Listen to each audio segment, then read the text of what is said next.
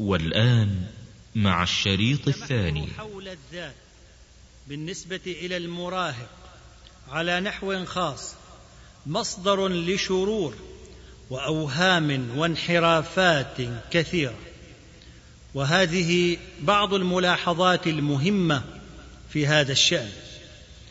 ألف إن ميل المراهق إلى توسيع مساحات خصوصياته يجعل معلومات الآباء والأمهات حول تطلعات المراهق وتصرفاته وأصدقائه ومشكلاته محدودة وضئيلة. ولهذا فإن معظم الآباء يواجهون مشكلة حقيقية مع أبنائهم المراهقين لأنهم في كثير من الأحيان لا يجدون ما يتحدثون فيه. كما أنهم يواجهون مشكلة في تفسير بعض سلوكاتهم وفهم مشاعرهم الحقيقية. المراهقون من جهتهم يعانون من مشكلة التواصل بسبب قصور قدرتهم على التعبير الجيد أو بسبب الحياء والخجل أو لأسباب أخرى. ونحن معاشر الأهلين من آباء وأمهات. كثيرا ما نقول. إننا لا نتحدث مع أولادنا لأنهم إما نائمون وإما مستيقظون وهم في حال اليقظة إما ممسكون بسماعة الهاتف وإما خارج المنزل. وإذا كانوا في المنزل أغلقوا عليهم أبواب حجرهم. وبعض الآباء يقول إني لا أتحدث مع ابني المراهق لأنه يغضب ويثور بسرعة وهو كثيرا ما يفسر حديثي معه على أنه محاولة لأعرف عنه ما لا يرغب في معرفتي له. أما المراهقون فإنهم يقولون إن أهلينا يكثرون من الأسئلة حول كل شيء وكأننا نخضع دائما للتحقيق. في مخفر للشرطة. وإذا أخبرنا أهلينا عن شيء فإنهم يبدأون بإلقاء النصائح والتوجيهات التي سمعناها منهم مئات المرات أو يقولون إن الوقت الوحيد الذي يتحدث إلينا الأهل فيه هو الوقت الذي نخطئ فيه. أما ما عدا ذلك فليس لديهم وقت لأي كلام. كلام الأهل له نصيب من الصحة وكلام الأولاد له أيضا نصيب. لكن علينا أن نثبت جميعا أن هذه قضايا صغيرة وتجاوزها سهل جدا.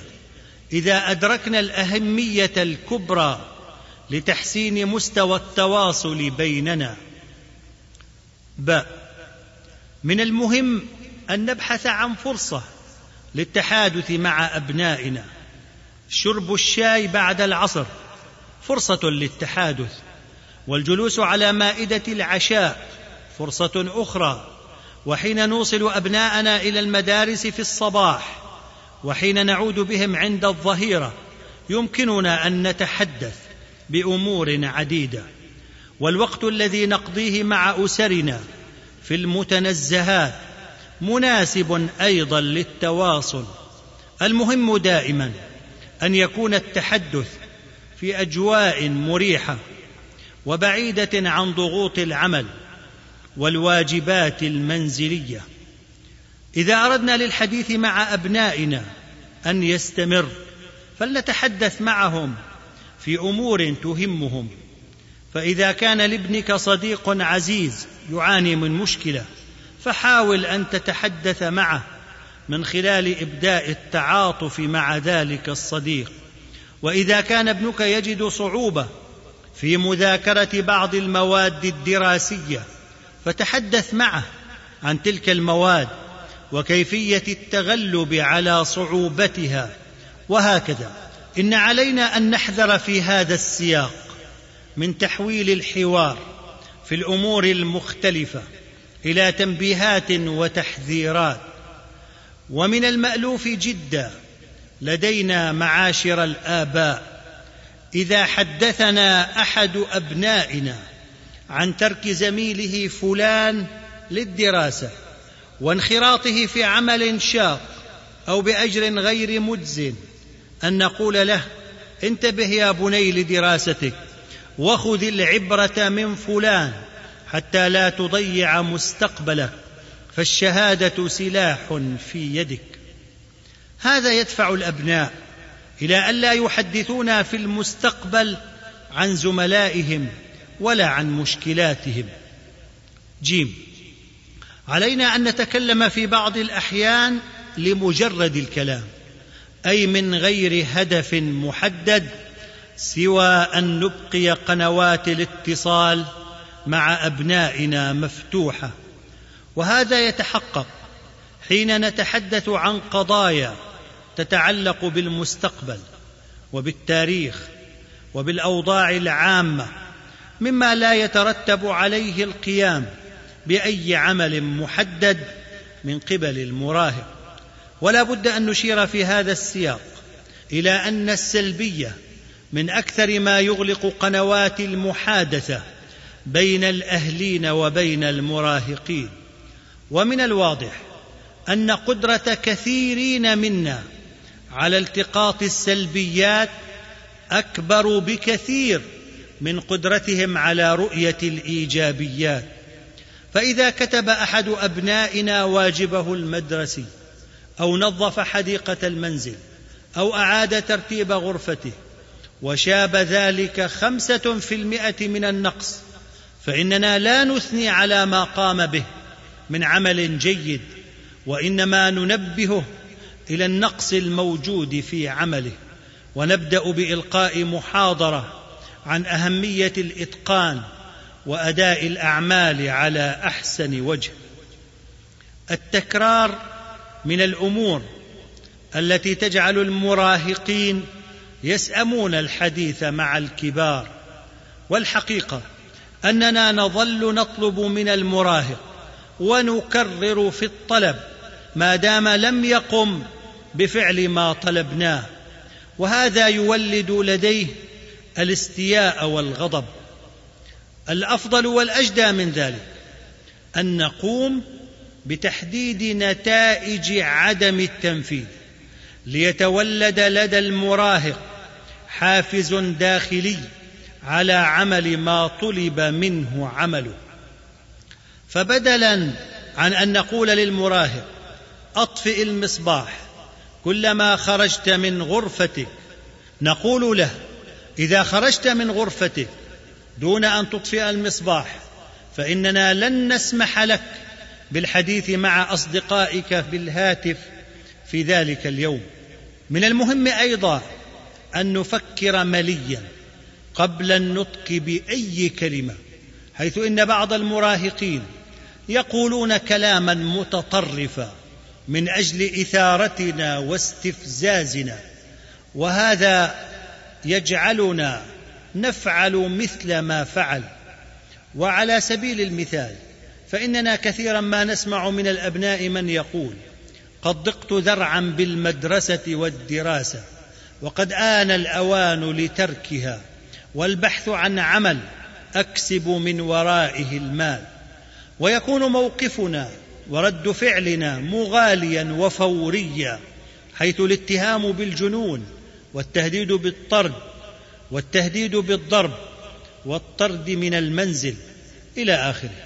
وتكون النتيجة اغلاقا تاما للمحادثة وللتواصل مع أن المراهق لا يعني ما يقول وإنما يريد إثارة أهله فحسب.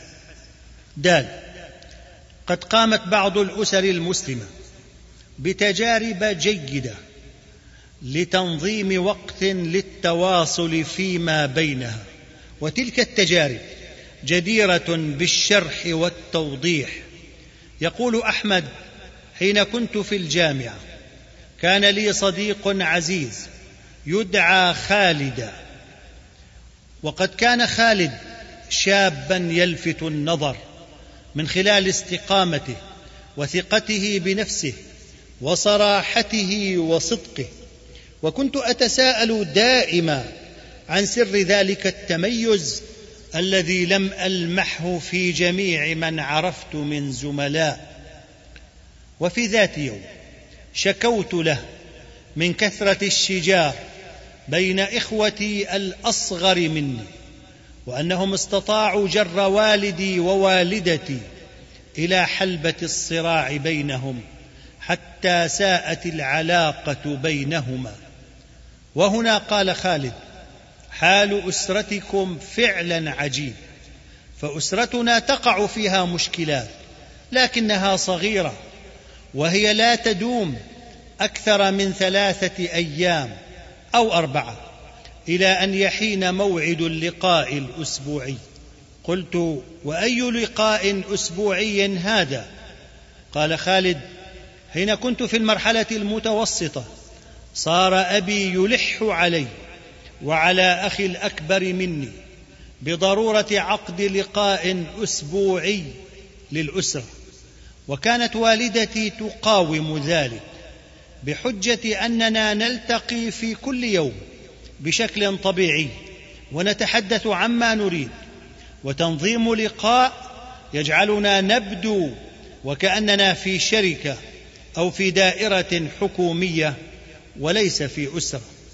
ولكن أبي والذي يعمل معلما ابتدائيا كان يهدف من وراء تنظيم اللقاء الأسبوعي والذي سماه لقاء المودة إلى تعليمنا قيادة الاجتماعات وبث روح المصارحة والمكاشفة والتعاون في الأسرة إلى جانب علاج مشكلاتها وقبل ذلك إرساء دعائم احترام حقيقي بين جميع أفراد الأسرة. واستطاع الوالد بعد سنة تقريبا من المحاولة أن يقنعنا بضرورة عقد ذلك اللقاء. وقد صار يعقد مدة خمس وثلاثين دقيقة من بعد مغرب كل يوم ثلاثاء ورئاسة اللقاء دورية. حتى أخي سعد والذي كان في الصف الرابع الابتدائي كانت تتاح له فرصة رئاسة اللقاء وكان يديره بنجاح كامل. لقاؤنا والذي ما زال مستمرا يفتتح بآي من القرآن الكريم. ثم نبدأ بنقاش القضايا والموضوعات التي تهم الأسرة بأكملها والتي كانت قد حددت في اللقاء السابق. مهمة مدير اللقاء افتتاح اللقاء وإعلان اختتامه وإعطاء الوقت للمتحدثين بالتساوي وألا يسمح لأحد أن يقاطع أحدا أثناء حديثه. أما أمين سر اللقاء فقد كان ثابتا وكانت مهمته تدوين الملاحظات التي يدلي بها كل واحد منا من أجل عرضها في آخر اللقاء ثم الاحتفاظ بها. والدي يحب الا يتميز علينا في الحديث لكن إذا تناقشنا في قضايا غير مناسبة أو في قضية خاصة بأحد أفراد الأسرة فإنه كان يوقف النقاش ويحول مجراه وهو يقول لنا دائما احذروا أن يتحول لقاء المودة إلى لقاء لحل المشكلات والأزمات فيفقد بهجته ويصبح مملا ولذا فإننا نبحث في تحسين علاقاتنا بجيراننا وفي تحفيز بعضنا على الاجتهاد وفي كيفية تعلم اللباقة واللطافة في خطاب الناس كما أننا نبحث في الظروف والأسباب التي تحمل الناس على الكذب والغش وإهمال الواجبات الشرعية وارتكاب المعاصي وإيذاء الآخرين وإتلاف الممتلكات العامة كي نحذرها ونتجنبها. وقد كان أبي يلاحظ أن بعض إخوتي يقومون الليل وبعضهم يحمل أمتعة جارنا أبي محمود ويساعده في بعض الأمور فيقوم بالإشادة بذلك والثناء على صاحبه ويحث البقية بطريقة غير مباشرة على أن يكونوا مثلهم.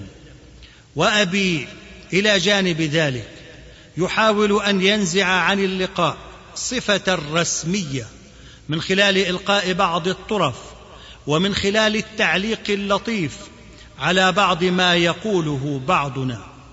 ولا أبالغ يا أحمد إذا قلت إننا ننتظر ذلك اللقاء بفارغ الصبر حيث يشعر كل واحد منا بأنه حقق ذاته وأبدى كل ما لديه وتعلم شيئا جديدا أو تنبه لشيء كان غافلا عنه.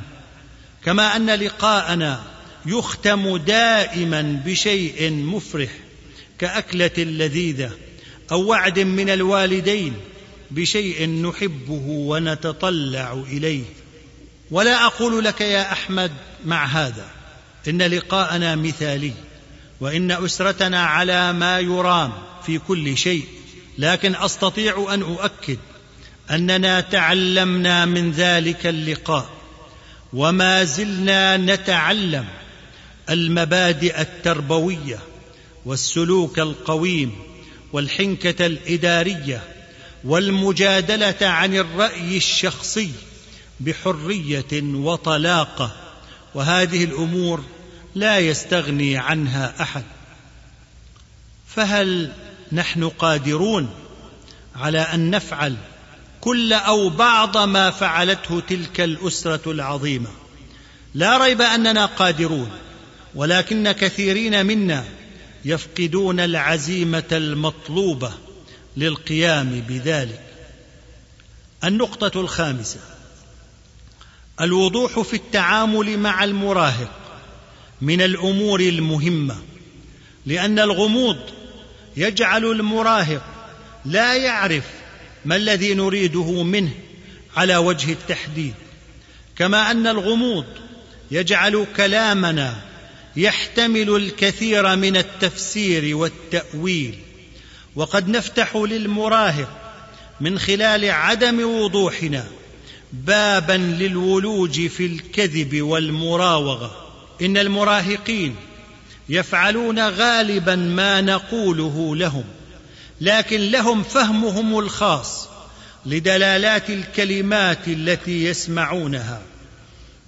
تقول إحدى الأمهات إن ابنتها كسولة جدا وهي لا تنفذ ما تقوله لها إنها تقول لابنتها المراهقة اذهبي إلى غرفتك والتقطي كل شيء على الأرض وتدخل بعد نصف ساعة فتجد أن كل الأشياء التي كانت متناثرة على أرض الغرفة قد رفعت فعلا ولكن وضعت على السرير فتستشيط غضبا من ذلك وتبدأ بلوم ابنتها. ثم تعلمت الأم من خلال التجربة أن تفصل ما تريد تماما. وصارت تقول لابنتها ضع الملابس المتسخة في سلة الغسيل والكتب على الأرفف والقمامة والورق المتناثر على الأرض في سلة المهملات.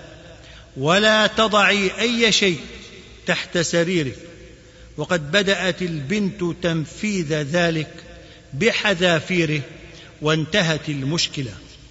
حين نقول لأحد أبنائنا كن لطيفا مع أختك فإننا لا نساعده على أن يكون كذلك لأنه لا يعرف ما الذي نريده من وراء هذه الكلمة وبالتالي فلن يصبح لطيفا. لكن إذا قلنا له إن اللطف مع الأخت يعني عدم ضربها وعدم إهانتها وعدم إحراجها أو وصفها بالصفات التي لا تحبها كما أن اللطف يعني إلى جانب ذلك سؤالها عن أسباب كربها إن كانت مكروبة ومحاولة مساعدتها فإنه سيفهم ما نريد تماما وكثيرا ما يحاول تنفيذه. قد يكون من المفيد إذا تحدثنا مع ولدنا المراهق عن أمر أن نستوضح منه ماذا فهم منا؟ وأذكر أن أحد الأصدقاء كان من عاداته الكلامية الثابتة أن يسأل أولاده عقب كل تحدث في موضوع عما إذا كانوا فهموا بالضبط الكلام على الوجه الصحيح وقد أثمر ذلك فعلا تحسنا ملحوظا في قدرات أبنائه على فهم مرام الكلام وإدراك مرادات المتكلم مما يقول. النقطة السادسة. الثبات على أقوالنا ومواقفنا والاهتمام بما نقوله شيء حيوي في تربية المراهق والتعامل معه. نحن معاشر الكبار لا نهتم كثيرا بكلام أولئك الناس الذين لا يعنون ما يقولون وأولئك الذين يطلبون شيئا وبعد مدة ينسون ما طلبوه وأولئك الذين يطلقون التهديدات دون أن يكونوا قادرين على تنفيذها. وهكذا الأبناء لا يأبهون كثيرا بأقوال الآباء والأمهات إذا ما شعروا بأنهم غير جادين وغير ملتزمين بما يقولونه هناك في الحقيقة أساليب قولية ومواقف سلوكية عديدة تشجع المراهقين على عدم التأثر أو الاهتمام بما يقوله الكبار. منها ألف. المبالغة في إطلاق التهديدات حيث يشعر المراهق بعدم إمكانية تنفيذ ما نهدده به. تقول الأم لابنها إذا ذهبت إلى بيت فلان فإني سأكسر رجلك. ويقول الأب إذا لم تكتب واجبك بشكل جيد فسأخرجك من المدرسة. وتقول الأم لأولادها إذا لم تكفوا عن الشجار فسأخرج من المنزل ولا أعود إليه أبدا. وهكذا.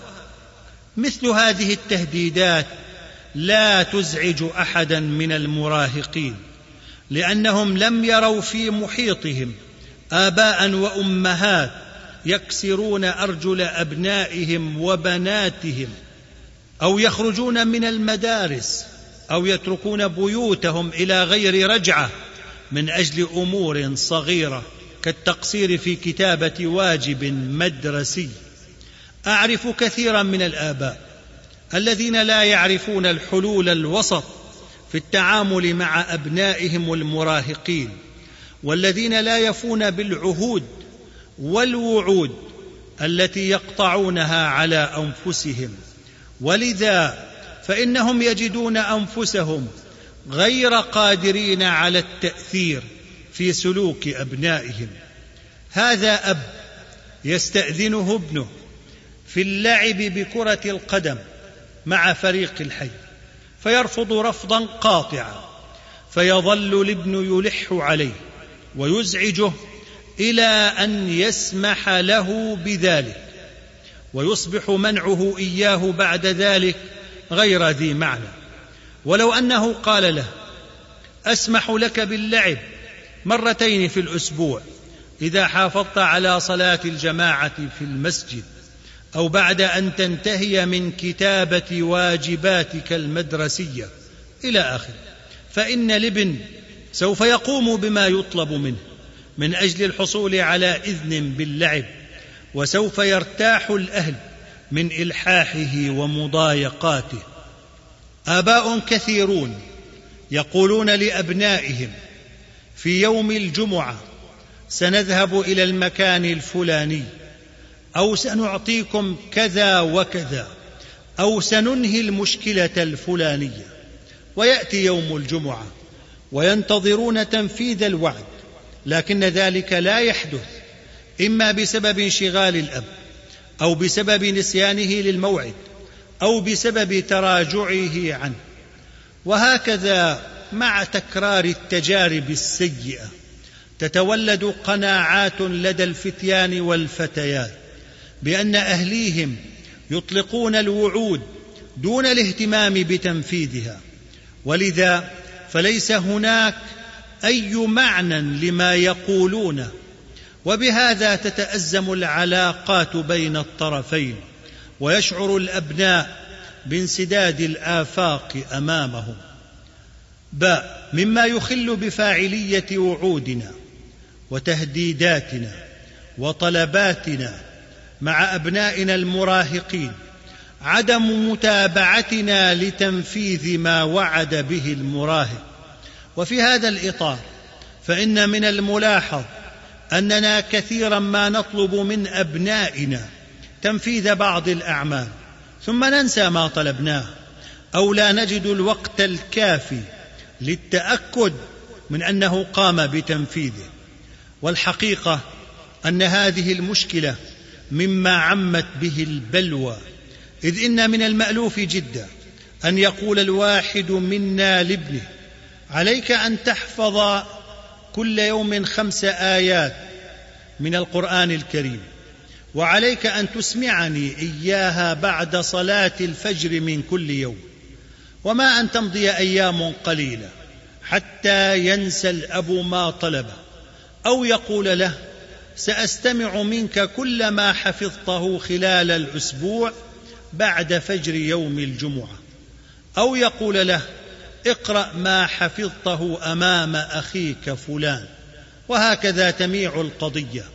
ويترك الابن الحفظ وكأن شيئا لم يكن.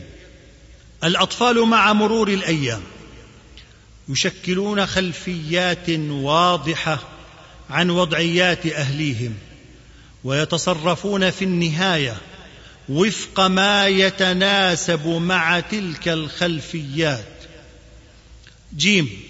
نحن في كثير من الأحيان نتسبب في تعليم أبنائنا السلوك الملتوي من خلال تعاملنا معهم بناء على أمزجتنا وليس بناء على ما نعتقد أنه خطأ أو صواب. ومن المألوف جدا أن نمنع الولد من عمل شيء لا يضر إذا كنا معكرين مزاجيا كما أن من المألوف أن نسمح له بعمل أشياء ضارة وسيئة إذا كنا في حالة انشراح وسرور. هذا يجعل المراهق يعتقد أنه ليس هناك قواعد للتعامل بينه وبين أهله كما أنه ليس هناك حدود واضحة تفصل بين السلوكات الجيدة والسلوكات السيئة.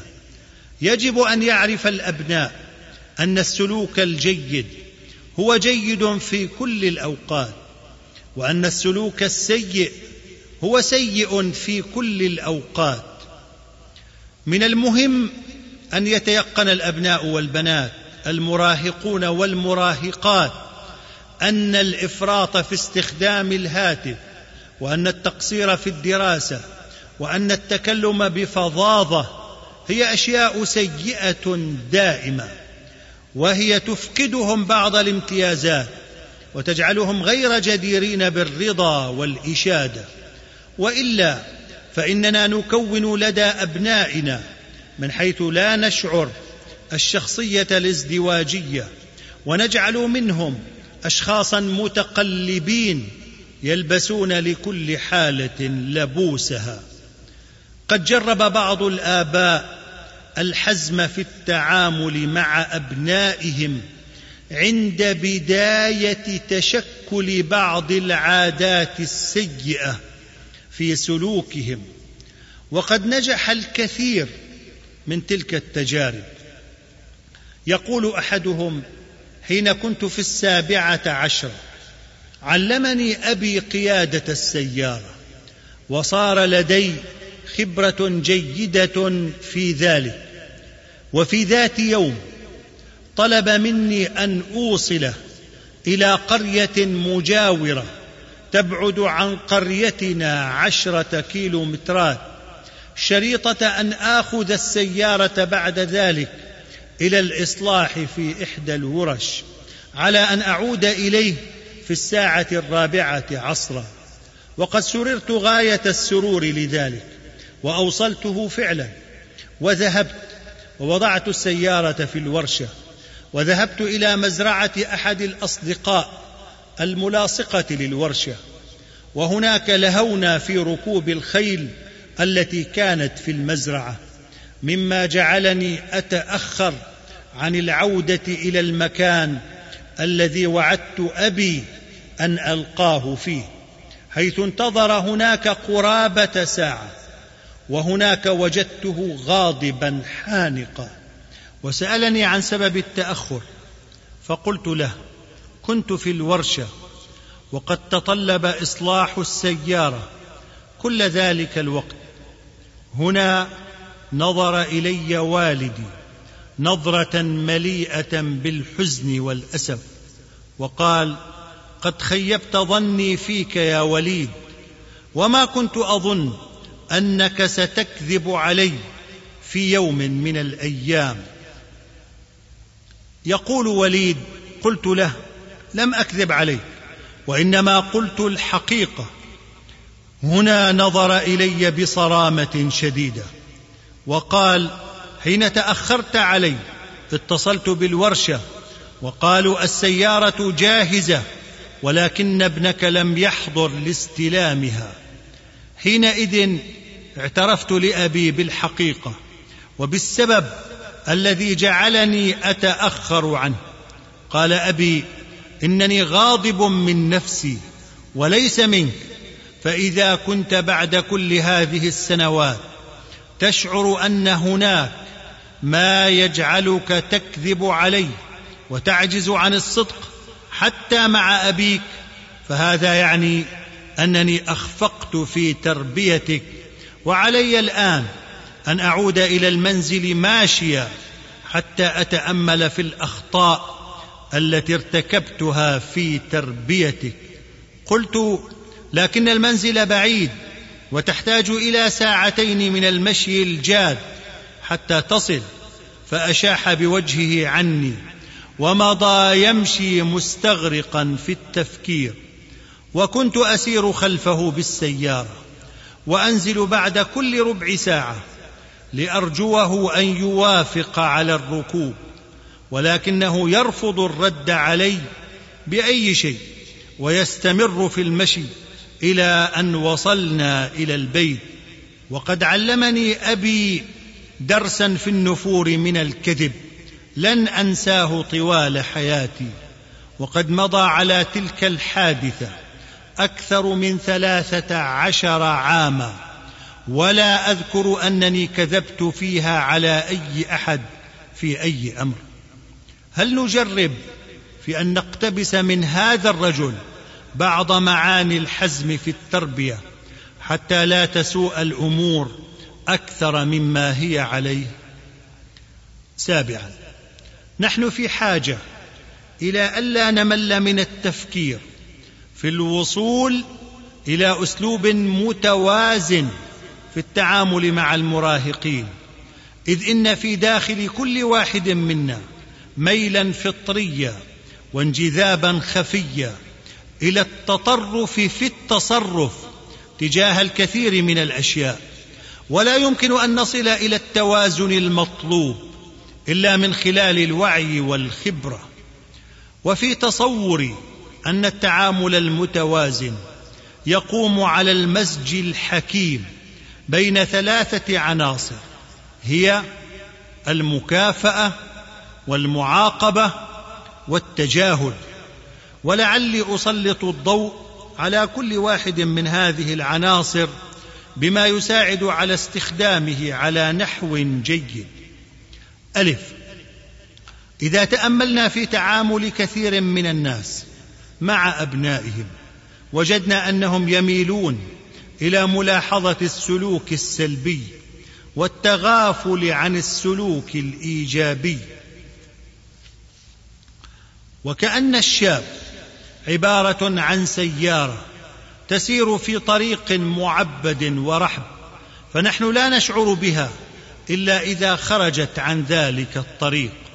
وهذا في الحقيقة تابع إلى طبيعة تكوين العقل البشري فهو يبدي على نحو دائم أنه قادر على إدراك السلبيات أكثر من إدراك الإيجابيات. أضف إلى هذا أن التربية الموروثة عن الأجيال السابقة.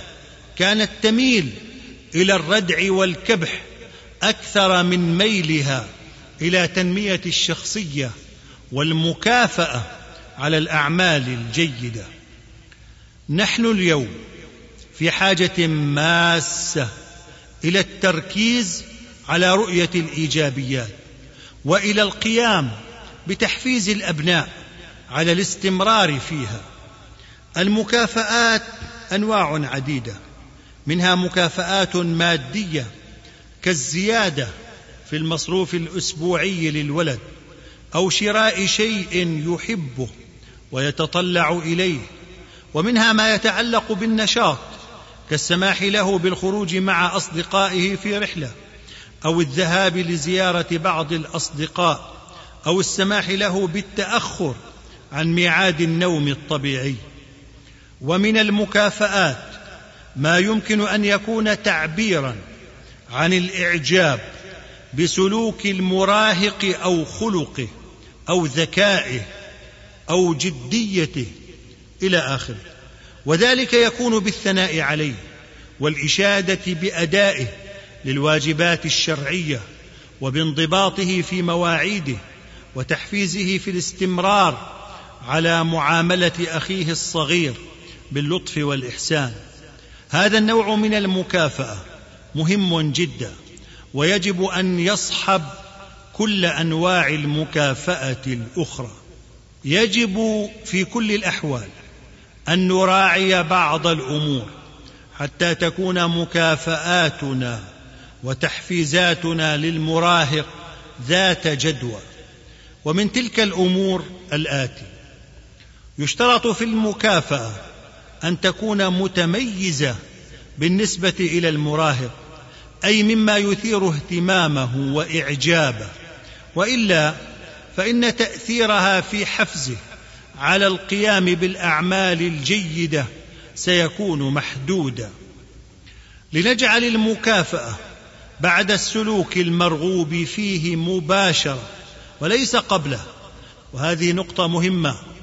إذ لا ينبغي أن يأخذ المراهق الشيء الذي يحبه قبل أن ينجز الشيء الذي نريده منه كما لا ينبغي تأخير المكافأة كثيرا عن وقت الإنجاز فالنفس البشرية مجبولة على الاستعجال في الحصول على الخير.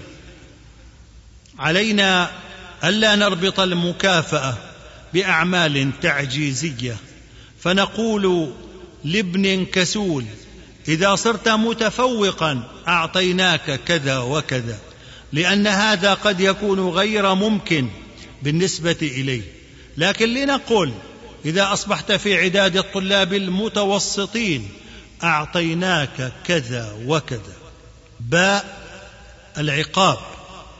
مهما كانت طبيعة الولد جيدة والولد كما نعرف يشمل لغة الذكر والأنثى. ومهما كانت الظروف التي نربي فيها ممتازة فقد لا نستغني عن استخدام شيء من العقاب في التعامل مع المراهق وذلك لأسباب عديدة. لكن علينا أن ننتبه إلى أمرين. الأول هو أن قدرة الأبوين على استخدام العقاب تتناقص كلما كبر الأولاد. إنهم أقدر على معاقبة الصغار منهما على معاقبة الكبار. ولذا فإنه كلما تقدم المراهق في السن وجب أن نبحث عن وسائل أخرى في إصلاحه وتربيته. الثاني أن نضع نصب أعيننا دائما ضرورة المحافظة. على علاقات جيدة مع أولادنا المراهقين. العلاقات الجيدة مع أبنائنا ومع كل الناس يمكن أن تستمر إذا لم نحملها أكثر مما تحتمل. وإذا حاولنا الانتباه إليها ورعايتها في كل الأحوال يشبه أحدهم العلاقات بجميع أنواعها. بالرمال في قبضة اليد. فإذا تركنا اليد مرتخية فإن الرمال ستبقى في القبضة. وإذا ضغطنا عليها فإنها تتسرب من بين أصابعنا حتى نفقدها.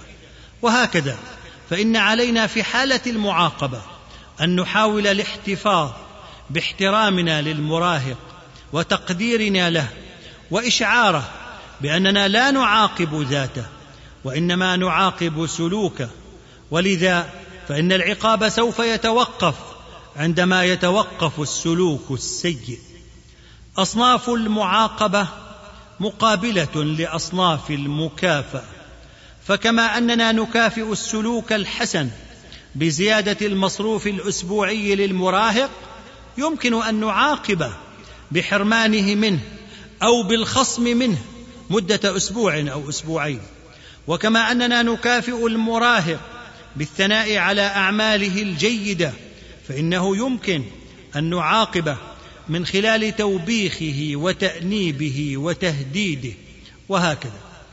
لكن من المهم أن نلاحظ عند استخدام معاقبة المراهق المعاني الآتية. ينبغي ألا نلجأ إلى العقاب. إلا إذا استنفدنا كل الوسائل الأخرى. فالعقاب ولا سيما الضرب هو أشبه بالتداخل الجراحي الذي لا يلجأ إليه الطبيب إلا إذا جرب كل طرق المعالجة الأخرى. علينا أن ننتبه عند ممارسة العقاب إلى أن المراهق غير الطفل الصغير وأن ما ينفع من العقوبات مع الأطفال قد لا ينفع مع المراهقين وأن الاستمرار في معاملة المراهق على أنه طفل قد يؤدي إلى فواجع فالضرب المبرح قد يحفز المراهق إلى أن يدافع عن نفسه ويقوم بلكم من يضربه أو دفعه أو الإمساك بيده وهو قادر على ذلك. وحين يكون التأديب عبارة عن توبيخ شديد فإن من المحتمل أن يستخدم المراهق مع أبويه أو معلمه ألفاظا قاسية تجعل الواحد منهم يخرج عن تماسكه أو يقف عاجزا حائرا. وقد سمعنا جميعا عن حوادث ووقائع من هذا القبيل والعاقل من اتعظ بغيره. إن إيقاع العقوبات بالمراهق قد يردعه عن بعض أخطائه وتقصيراته لكنه قد يدفعه إلى الوقوع في مشكلات أخرى. وعلى سبيل المثال فإننا إذا حرمنا المراهق من مصروفه الأسبوعي بسبب مصاحبته لشخص سيء فإنه قد يترك صحبة ذلك الشخص ولكن تتولد لديه بعض الأخلاق السلبية والعدوانية مثل المعارضة والمقاومة والعناد والتحدي والتمرد ومثل التشاجر مع إخوته الصغار وأخذ بعض أشيائهم الخاصة. وربما لجأ المراهق نتيجة إكثارنا من العقوبات عليه إلى الكذب والتلاعب وعدم الإخبار بالحقيقة كاملة.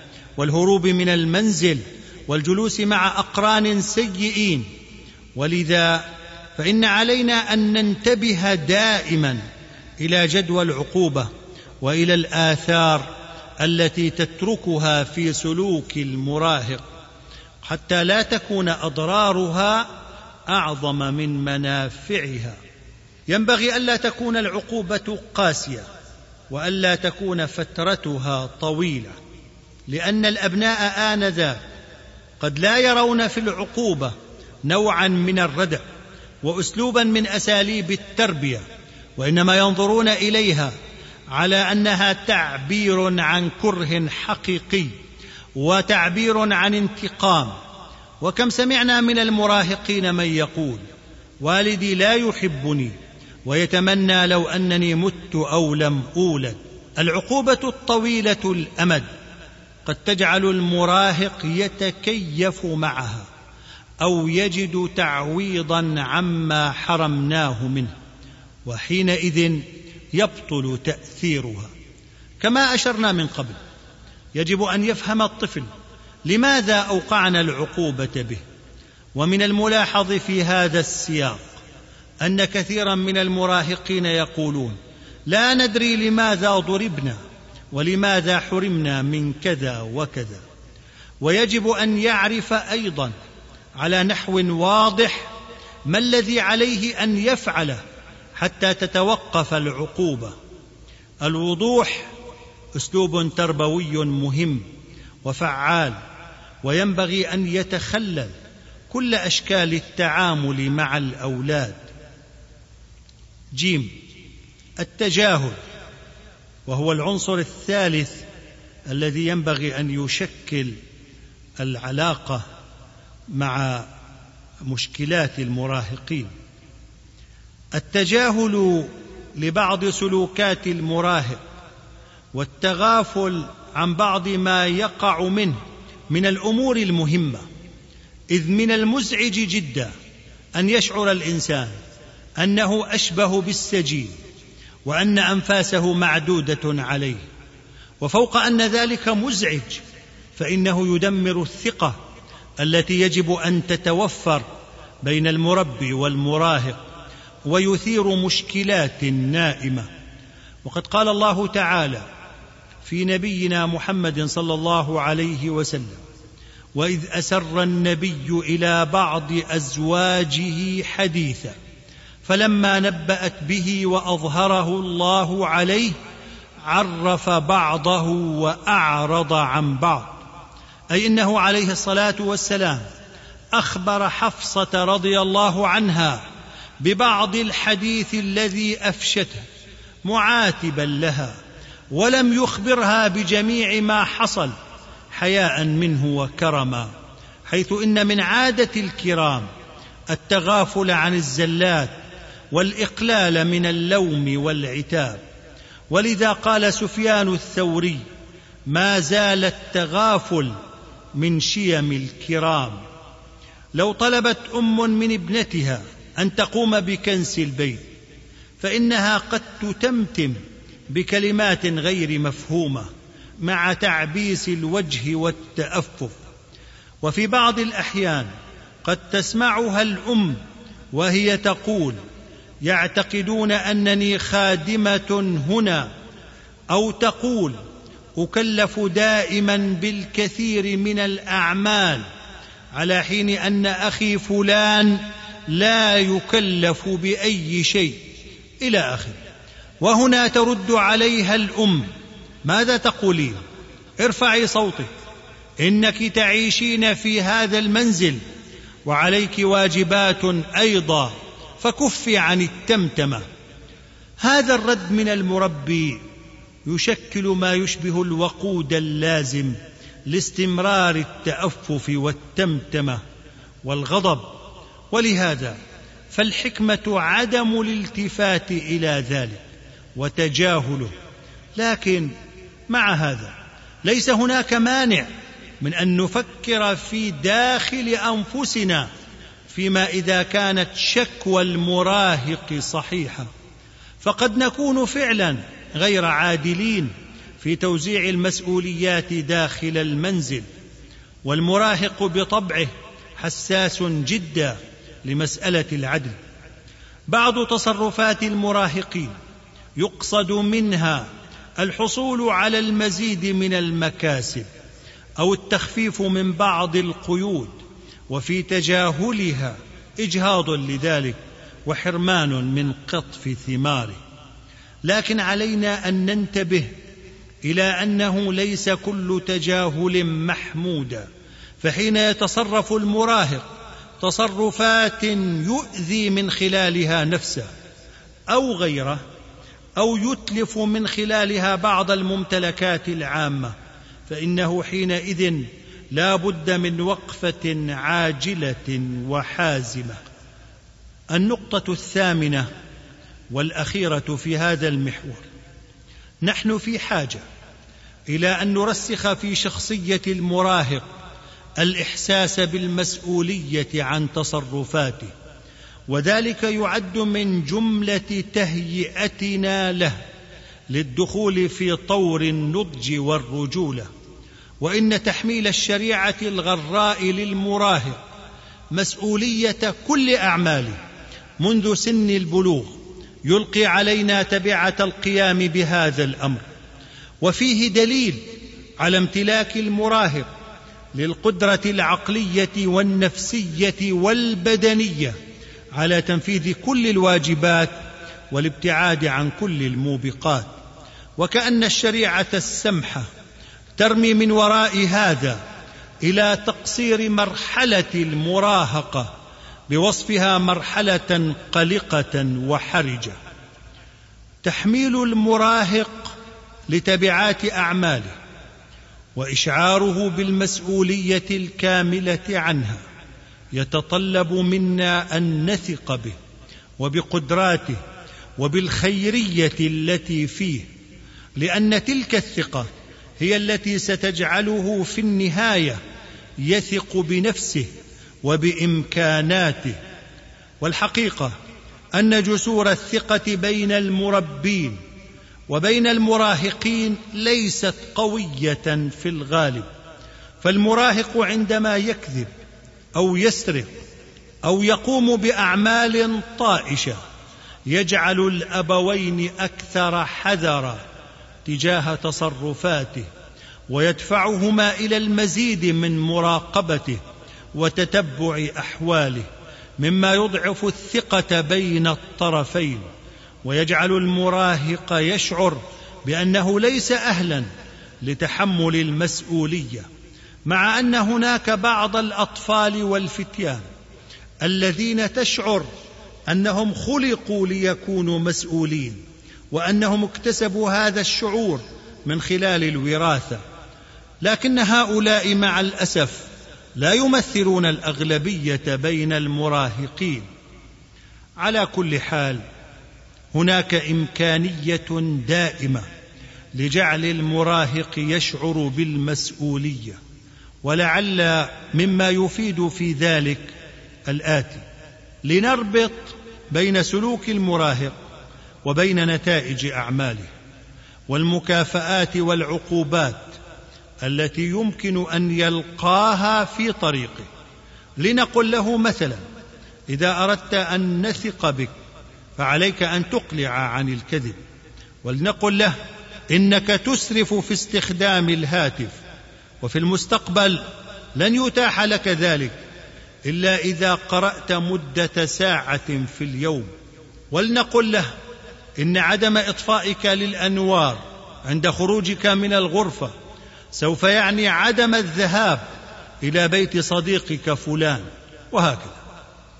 من المهم ألا نتحمل المسؤولية عن المراهق لأن تحملنا إياها بالنيابة عنه. يوجد لديه خلق الاتكالية وسيجعل إحساسه بما ينبغي عليه.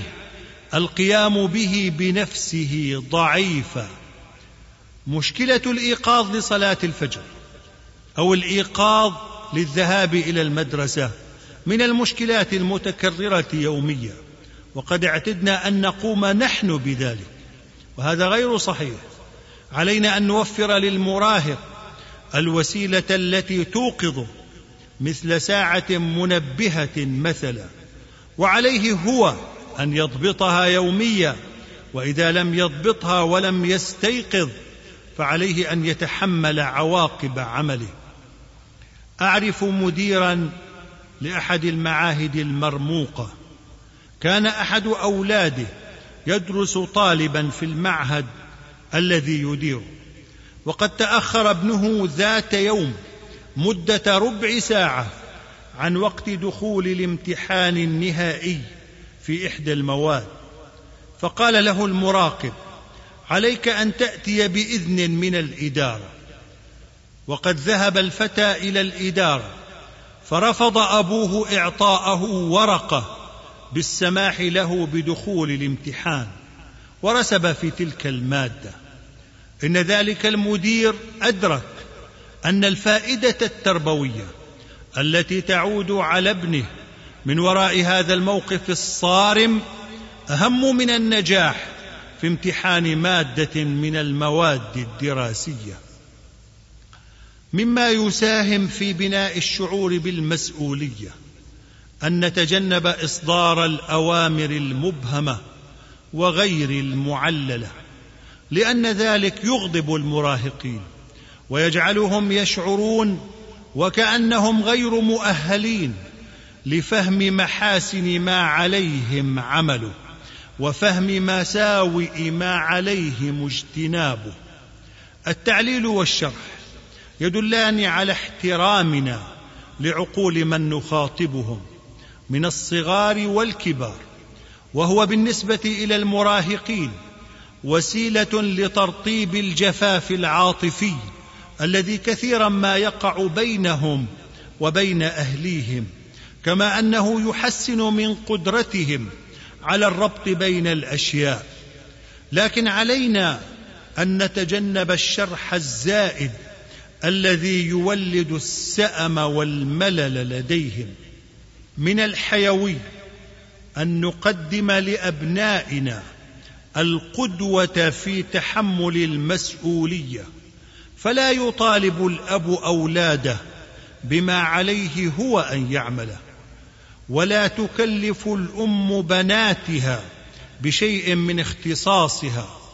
وأكثر ما علينا أن نقدم فيه القدوة هو تحمل المسؤولية عن الأخطاء إذ من المهم جدا أن يعرف المسؤول الحقيقي عن كل سلوك خاطئ يقع داخل المنزل وحين يعترف المربون بمسؤوليتهم عن الأخطاء. التي وقعوا فيها فإنهم يساعدون أبناءهم مساعدة عظيمة وفذة على أن يفعلوا مثل ذلك. لنحدد للمراهق مصروفا اسبوعيا أو شهريا ندفعه له وتكون المسؤولية عن صرفه من اختصاصه. المصروف الخاص ينمي لدى المراهق الشعور بالمسؤولية تجاه التصرف بالمال وتجاه موضوع الاقتصاد والتدبير ويجعله يشعر بعواقب الإسراف والتبذير من خلال الإحساس بالحرمان طيلة أيام الشهر.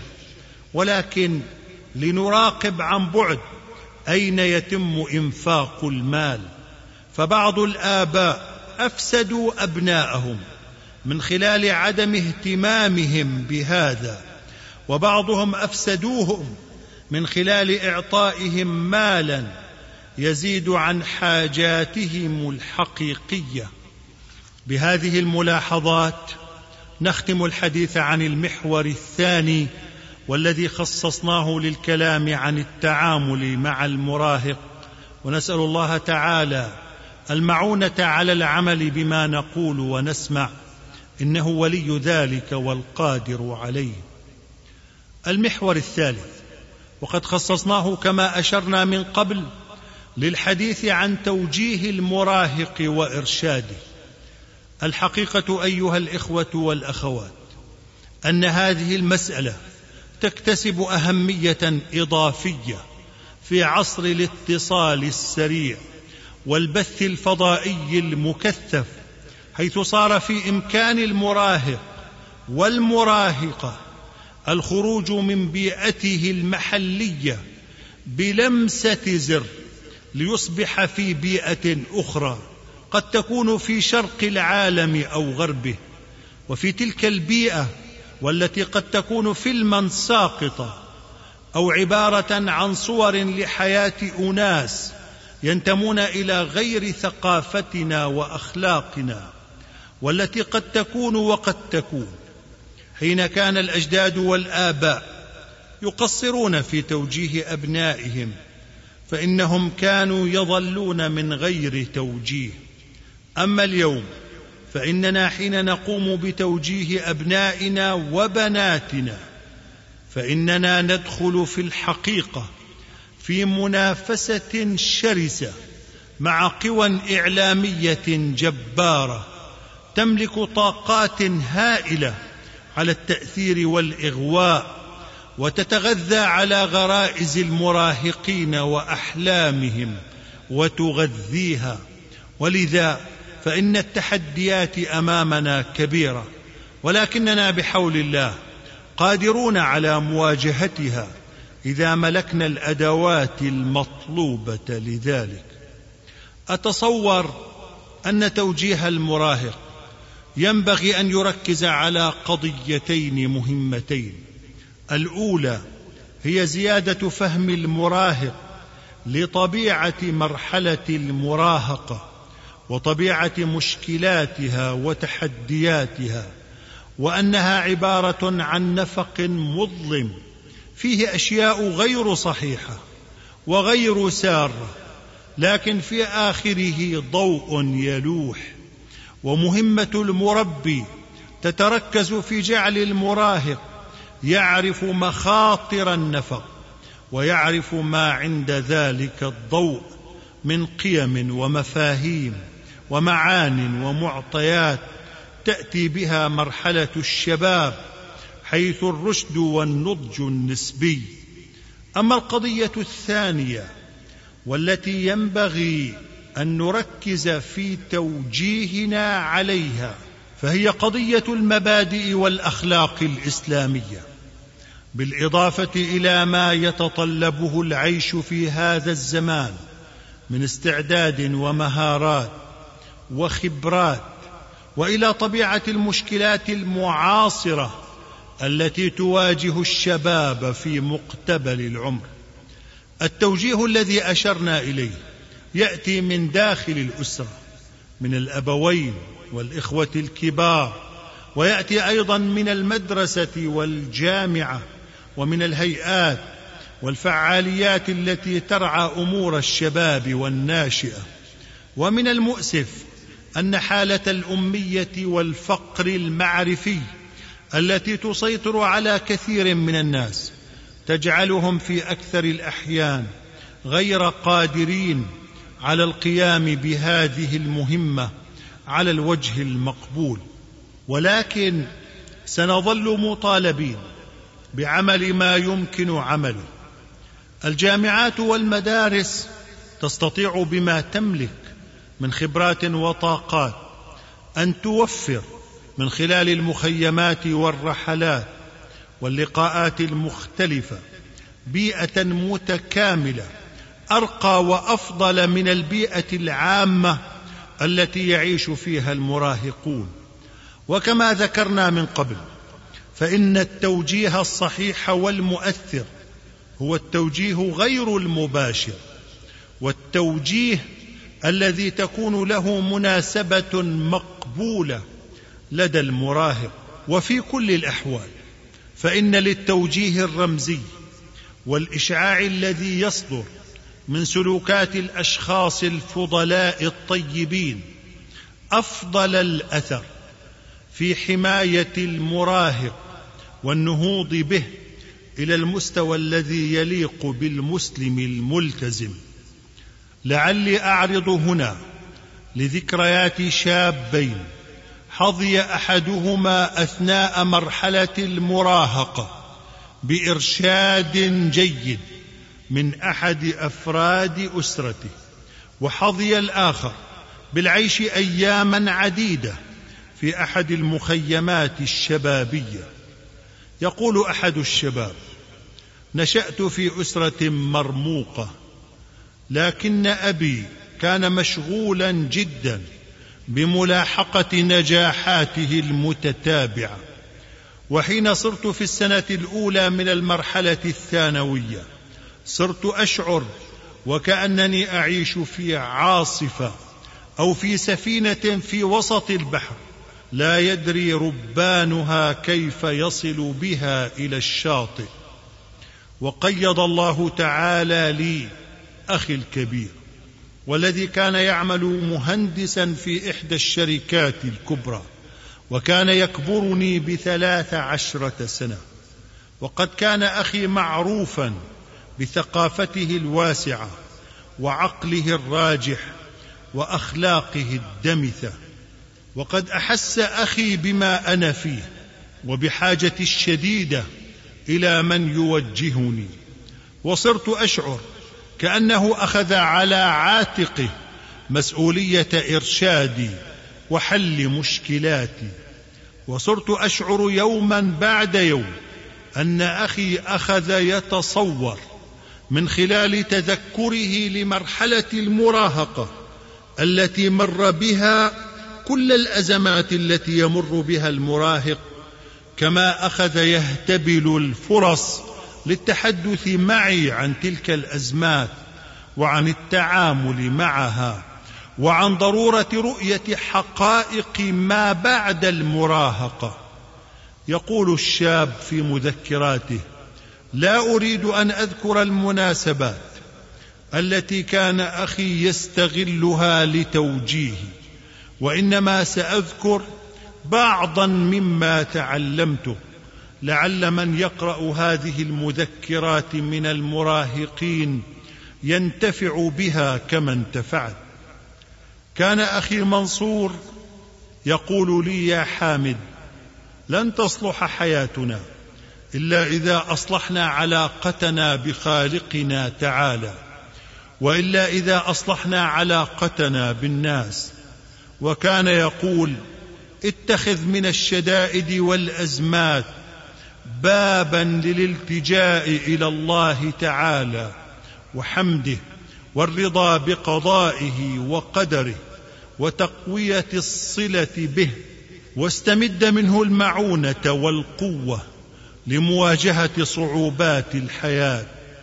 وقد كان أخي منصور يحاول دائما أن يخرجني من عالمي الخاص من الاهتمام بوضعي الشخصي ويقول لي لا تضايق نفسك بالتخيلات فالكثير من المخاوف منشأه الإرهاق والوحدة والعزلة.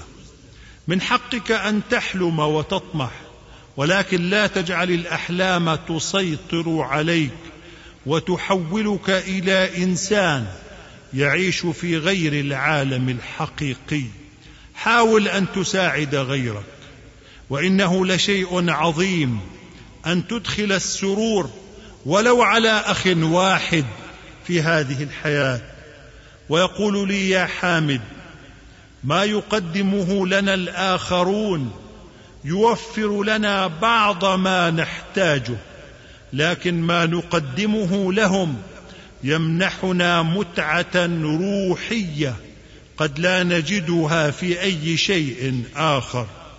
ومن الصعب أن نقدر مدى السعادة التي يشعر بها الآخرون من خلال تعاطف بسيط معهم. أحبب إخوتك الصغار. وكن رحيما بهم. وتأكد أن الضوء الذي تشعه على الآخرين سينعكس عليك مئة مرة.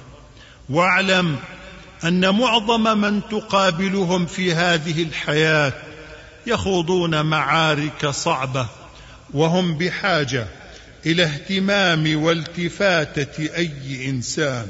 وكان في سبيل تبصيري بمرحلة المراهقة ودلالتي على ما سأصير إليه بعدها. يقول لي يا حامد الشاب في مثل سنك يرسم أهدافا مستحيلة وحين يكبر قليلا يتعلق بأهداف ممكنة لأن إدراكه لظروف التنفيذ وصعوبات الإنجاز يصبح أفضل وهو يحقق سروره على أساس العادات الخاصة وحين يكبر يقوم سلوكه على المبادئ والقيم وعلى الواجب والوازع الداخلي وينتقل من هو في مثل سنك بعد مدة من اللامبالاة بالأعراف الاجتماعية. إلى أخذها بعين الاعتبار بل الخضوع لها. وليس في ذلك ما يعيب حين يكون العرف صحيحا. حين يصلب عودك يا حامد فإنك ستضبط سلوكك بقوة عقلك وروحك بدل أن يضبطه لك أبواه. وسوف تنتقل من مرحلة قبول الحقائق إلى طلب التفسير لها كما ستنتقل من الهروب من المشكلات إلى مواجهتها والبحث عن حلول لها. وكان أخي منصور يقول لي يا حامد نحن في زمان تتهمش فيه الأخلاق فقد صرنا في كل يوم نعامل اناسا نظن أنهم لم يتلقوا أي تربية ولا يؤمنون بأي مبدأ ولا يخطر في بالهم التفكير في أي عاقبة. إنهم يريدون الوصول إلى ما يشبع غرائزهم ويحقق مصالحهم عن أي طريق وبأي وسيلة. وعليك يا حامد أن تبتعد عن هذا الصنف من الناس بجسمك وعقلك وقلبك لأنهم يسممون حياتك وأنت لا تدري. يقول حامد في كل مرة كنت أسمع فيها أخي يتكلم كنت أشعر أنني أكبر وأكبر وأكبر بطريقة عجيبة. وكنت أقول في نفسي متى سأكبر؟ وأصل إلى ما يتحدث عنه أخي. وقد أثر كلام منصور في تاثيرا لا أستطيع وصفه. وقد نلت شهادة الطالب المثالي في الكلية التي أدرس فيها وصار إخوتي الصغار يلتمسون في قدوة لهم. وأسأل الله تعالى أن أستطيع أن أقدم لهم ما قدمه لي منصور. أما المذكرات الثانية التي وعدنا بها فهي لمدرس للرياضيات في إحدى الثانويات حيث يقول إنه حين كان يدرس في السنة الثانية من المرحلة الجامعية كان يغلب عليه البعد عن الالتزام كما كان يخيم عليه اليأس والقنوط فقد رأى كيف عامل أبوه أمه معاملة سيئة للغاية ثم بعد ذلك طلقها ومنعها مدة طويلة من رؤية أبنائها. ولذا فإنه لا يثق بأحد ويظن أن الخير قد فقد من مدة بعيدة والأخيار قد اختفوا من هذه الحياة. لكن ذلك كله قد تغير. بعد أن حضر في أحد المخيمات التي تقيمها عشائر الجوالة في الجامعة. يقول سليمان حين أعلن عن ذلك المخيم كنت مترددا في الذهاب إليه حيث كنت أخشى أن أجد أشياء مزعجة أو غير مألوفة لي. لكن شجعني على الذهاب إليه. إصرار ابن خالتي على حضوري وتحميسه لي على المشاركة. وقد وجدت في ذلك المخيم ما لم أكن أتخيله. في ذلك المخيم ذقت لأول مرة في حياتي طعم الاستيقاظ قبل الفجر ورأيت بأم عيني فتيانا في الثامنة عشرة يطيلون الركوع والسجود ويبكون من خشية الله وقد انفعلت بذلك غاية الانفعال. وبعد خمسة أيام وجدت نفسي أبكي كما يبكون وأكثر من تلاوة القرآن الكريم وكان ذلك بالنسبة إلي أشبه بالحلم. فقد كنت وقتها بعيدا جدا عن معاني الخشوع والإنابة لله تعالى. شعرت في ذلك المخيم بروح المسؤولية فقد كنت أحرس المخيم في بعض الليالي. وقد كان الأمر جديا حيث إن بعض المسؤولين عن المخيم كانوا يحاولون أخذ بعض الأشياء من محتويات المخيم ليثبتوا للحرس أنهم لم يقوموا بواجبهم على الوجه المطلوب. وقد كنت معروفا بين منسوبي المخيم بمهارة الفائقة في كرة السلة. وقد جلس معنا الحكم قبل أن ندخل في إحدى المنافسات مع بعضنا. وقال نحن نلعب اليوم اولا من أجل تنشيط أجسامنا والمحافظة على لياقتنا البدنية ثم من أجل بناء روح رياضية ثانية. والروح الرياضية تعني التسامح والانضباط الذاتي والانتصار على النفس. وقال الرجل أيها الشباب هل نستطيع اليوم أن نحقق مفهوم اللعب النظيف؟ قال أحد اللاعبين ما الذي تعنيه باللعب النظيف؟ قال اللعب النظيف هو اللعب الذي يؤدى بطريقة صحيحة بقطع النظر عن النتائج التي سيحصل عليها أي واحد منكم. والطريقة الصحيحة عندي أن نلعب دون غش أو احتيال أو كذب ودون هرج ومرج بتنخية فلان والعتب على فلان. وإعطاء تعليمات لفلان وإن كل من يخالف هذه القواعد سوف أسامحه مرة واحدة وعليه في المرة الثانية أن يخرج من الملعب ليدخل واحد من الاحتياط عوضا عنه. وفعلا تم اللعب بالطريقة التي أشار إليها الحكم. وفاز فريقنا بتحقيق أهداف أكثر. لكن الفريق المنافس فاز أيضا لأنه أكثر انضباطا.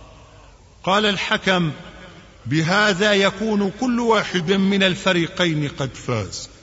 قلت في نفسي عجيب أمر هذا المخيم فكل المعايير فيه مختلفة. كانت آخر ليلة من ليالي المخيم ليلة حزينة للجميع حيث الفراق في صباح اليوم التالي. وقد أنشد بعض الإخوة بعض الأناشيد الوداعية وتأثرنا كثيرا لذلك إلى حد البكاء. وحين عدت إلى أسرتي شعرت أني ولدت من جديد وأن فصلا جديدا في حياتي قد بدأ وقد دهش أهلي للتغير الذي طرأ على حياتي خلال مدة المخيم والتي لم تتجاوز ثلاثة عشر يوما. إن هذه المذكرات أيها الإخوة والأخوات تكشف عن أهمية إخراج المراهق من بيئته المألوفة ومن حياته المعتادة والمخيمات والمعسكرات والرحلات تؤمن ذلك على نحو ممتاز. إذا حظيت بمشرفين يجمعون بين الصلاح والكفاءة وهذا موجود بكثرة والحمد لله. إنما يمكن أن يقال حول المراهقة والمراهقين كثير وطويل والمساحة المتاحة لا تسمح بأكثر مما قلناه وحسبك من القلادة ما أحاط بالعنق. أقول قولي هذا وأصلي وأسلم على صفوة الأنبياء والمرسلين نبينا محمد وعلى آله وصحبه أجمعين. وآخر دعوانا أن الحمد لله رب وتقبلوا العالمين تحيات إخوانكم بمؤسسة اليقين للإنتاج الإعلامي والتوزيع.